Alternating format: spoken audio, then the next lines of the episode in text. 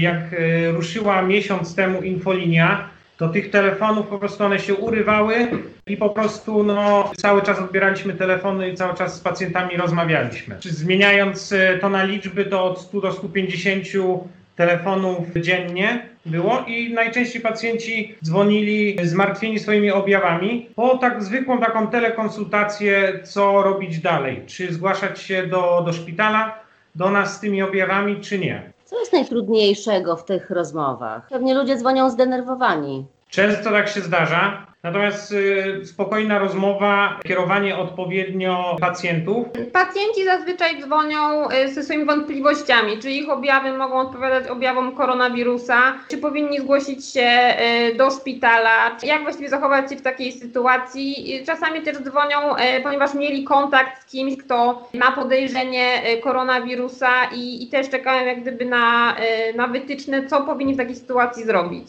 Ludzie bywają zdenerwowani pewnie. Oczywiście, oczywiście. Jak sobie pani z tym radzi? Staram się być po prostu profesjonalna, tak? I odpowiadać na ich, e, na potrzeby pacjentów, na ich pytania i jak najlepiej im pomóc i pokierować w miejsce, w którym powinni otrzymać pomoc. Czy ta choroba może postępować tak szybko, że na przykład dzisiaj mam kaszel, wysoką temperaturę, ale myślę sobie, jeszcze zostanę w domu. Do kiedy mogę zostać w domu, a kiedy bezwzględnie powinnam przyjechać jednak do szpitala? Stan zagrożenia życia i zdrowia jest bezwzględnym wskazaniem do, przyje- do, do przyjazdu do szpitala, tak? Jeżeli Ale ja nie jestem lekarzem i nie wiem tego. ma Pani duszność, to jak najbardziej w tym momencie trzeba się zgłosić do szpitala. Natomiast aktualne wytyczne są takie, że każdy objaw, czyli mamy gorączkę, suchy kaszel lub duszność, są wskazaniem do wykonania badania w kierunku koronawirusa. Czyli utrzymująca się gorączka, tak? Co to jest duszność? Nie może Pani głęboko nabrać powietrza. Przy jakiejkolwiek aktywności y, czuje, pani, y, czuje się Pani słabo, nie jest Pani w stanie właściwie przejść bez, y, bez zadyszki większej odległości niż, niż kilka metrów. Teraz tych telefonów jest już mniej niż na początku. Znaczy myślę, że teraz po pacjenci dzwonią troszeczkę z innymi pytaniami, tak? Na początku sytuacja wyglądała tak, że dużo osób wracało z zagranicy, byli objęci kwarantanną i dzwonili bardziej z problemami związanymi z, z kwarantanną i z tym swoimi objawami wtedy przy, przy tej kwarantannie. Teraz pacjenci bardziej już dzwonią konkretnie w sprawie objawów i tego, czy powinni przyjechać do, do szpitala. Co dla Pani jest najtrudniejsze tej pracy? Chyba to, żeby po prostu znaleźć taki złoty środek, żeby pomóc pacjentowi, żeby uspokoić go i jak najlepiej mu po prostu pomóc. E, Jak to się stało, że Pan znalazł się na oddziale zakaźnym, tam y, pełnił dyżur? Dostałem telefon z zapytaniem, czy z braku kadry na dany moment, czy jestem w stanie wziąć dyżur nocny, czując potrzebę jak gdyby pomocy, potrzebę takiego bycia jednością w tych trudnych czasach. Wziąłem go, no i tam pracowałem. Mieliśmy tam na oddziale wtedy cztery przyjęcia. To był mój pierwszy kontakt z pacjentami, którzy e, byli mm, podejrzani o to, że są dodatni, czekali na wynik testu, dopiero co przyjęci z izby. To było pierwsze takie moje spotkanie z pacjentami właśnie zakażonymi. Część z nich e, wyszła dodatnio później, część z nich wróciła do domu.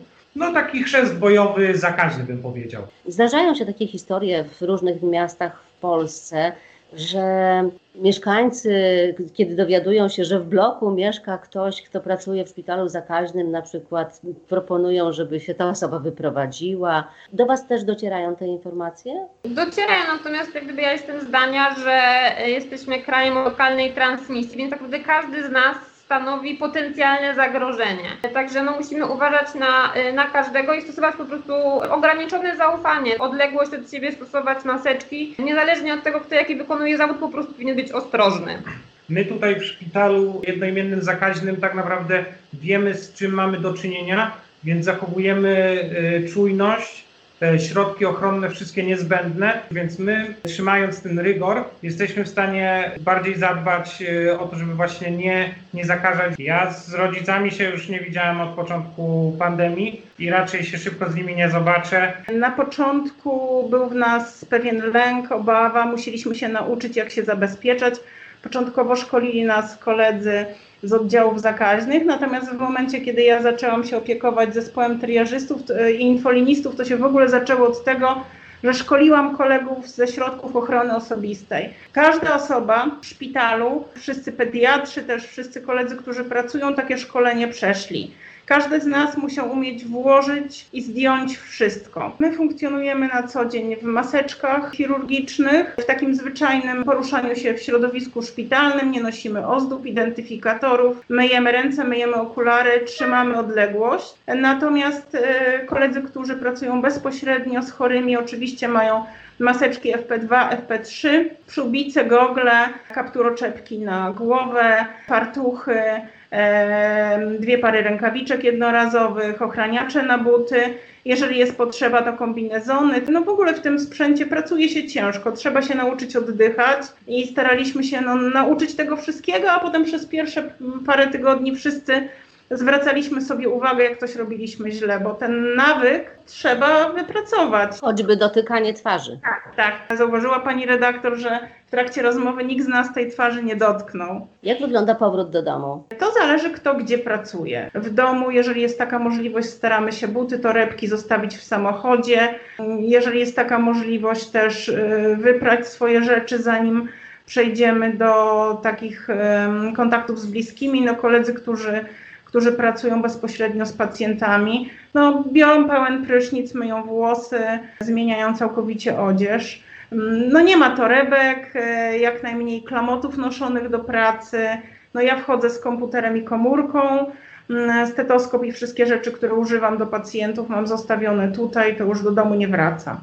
Wracając do infolinii jeszcze, jak ta infolinia się zmienia właśnie? Na początku było inaczej. Na początku był jeden numer telefonu. W momencie, kiedy przekroczyliśmy liczbę 100 telefonów na dobę, do 20, 24-godzinnego numeru e, doszedł drugi. Prosiłabym o podanie tych obydwu numerów słuchaczom. W tej chwili te telefony e, już praktycznie odbierane są niemal wszystkie, bo jesteśmy w stanie te 150 telefonów dziennie odebrać. Zdarzały się takie sytuacje, że trzeba było nagle pilnie zainterweniować, że pan już za długo pani siedzi w domu, trzeba natychmiast jechać do szpitala.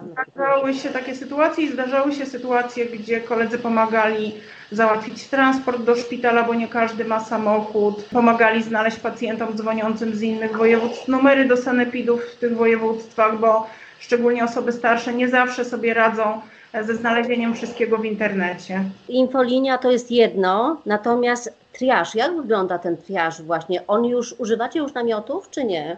W tej chwili w szpitalu funkcjonuje triaż w specjalnych gabinetach, gdzie personel jest za szybą i to się bardzo dobrze sprawdza. W ten sposób można zmniejszyć liczbę kontaktów pacjentów z izbą zakaźną, izbą brudną, więc e, jeżeli pacjent na infolinii zostanie poinformowany, że powinien przyjechać do szpitala, to jeszcze zanim wejdzie na izbę brudną, ma rozmowę z lekarzem triażystą, ma podany numer telefonu, dzwoni do tego lekarza, ten lekarz już zbiera wywiad i szczegółowo zbiera informacje. Są też na przykład pacjenci, którzy no, nie wiedzą o infolinii, po prostu z ulicy e, przychodzą na triaż i wtedy jest taka możliwość, żeby lekarz triażysta pomógł takiemu pacjentowi bez konieczności wchodzenia na izbę brudną. Natomiast e, wszyscy pacjenci wymagający mm, pilnego badania przez lekarza są przyjmowani na izbie oddziałów zakaźnych, z tym, że no, trzeba pamiętać, my to pacjentom mówimy, że każda osoba, która na taką izbę trafi, będzie potem podlegała niezależnie od wyniku wymazu w kierunku COVID dwutygodniowej kwarantannie, ponieważ no, miała styczność z środowiskiem, które może być, e, ryzykować zakażeniem. Liczba chorych rośnie cały czas w Polsce, widać to u Was? Nie jest to e, na razie taki włoski scenariusz. Z tego, co my obserwujemy z punktu widzenia infolinii czy triażu. W szpitalu nadal są jeszcze miejsca, prawda? W szpitalu są miejsca, natomiast no, też e, to, ten taki spokój społeczeństwa wynika, myślę, też z dużej dawki wiedzy w mediach na temat samej choroby, która jest systematycznie powtarzana, więc e, troszeczkę oswoiliśmy może tego smoka. Czego potrzebujecie? Co Wam teraz jest potrzebne? Jak mogą mieszkańcy Wrocławia chociażby pomóc? Mieszkańcy Wrocławia pomagają nam na co dzień. Szpital otrzymuje pomoc, y, która bardzo nas wzrusza i za którą bardzo dziękujemy. No, kłamstwem by było, gdybym powiedziała, że nie mamy środków ochrony osobistej, bo je mamy, ale zawsze każda ilość takich środków y, zwiększa bezpieczeństwo naszej pracy. Dzięki akcjom e, organizowanym między innymi przez Agnieszkę Zdębę-Mozoło, naszą szefową kadr, mamy posiłki, które różne organizacje zajmujące się karmieniem pracujących medyków nam dostarczają. Natomiast e, na pewno takie rzeczy e, jak dla nas, dla personelu medycznego, środki do pielęgnacji rąk, to są rzeczy ważne, ponieważ dłonie wielokrotnie odkażane no, wyglądają fatalnie i są suche, popękane i ciężko się z tym pracuje. Przydają się też jakieś em, suche przekąski, lekkie batoniki, które możemy dać pacjentom. Pacjenci leżący na salach otrzymują też napoje, wody mineralne, batoniki, to co my dostajemy, przede wszystkim dostają pacjenci. Także jesteśmy bardzo, bardzo wdzięczni za tą pomoc dla szpitala.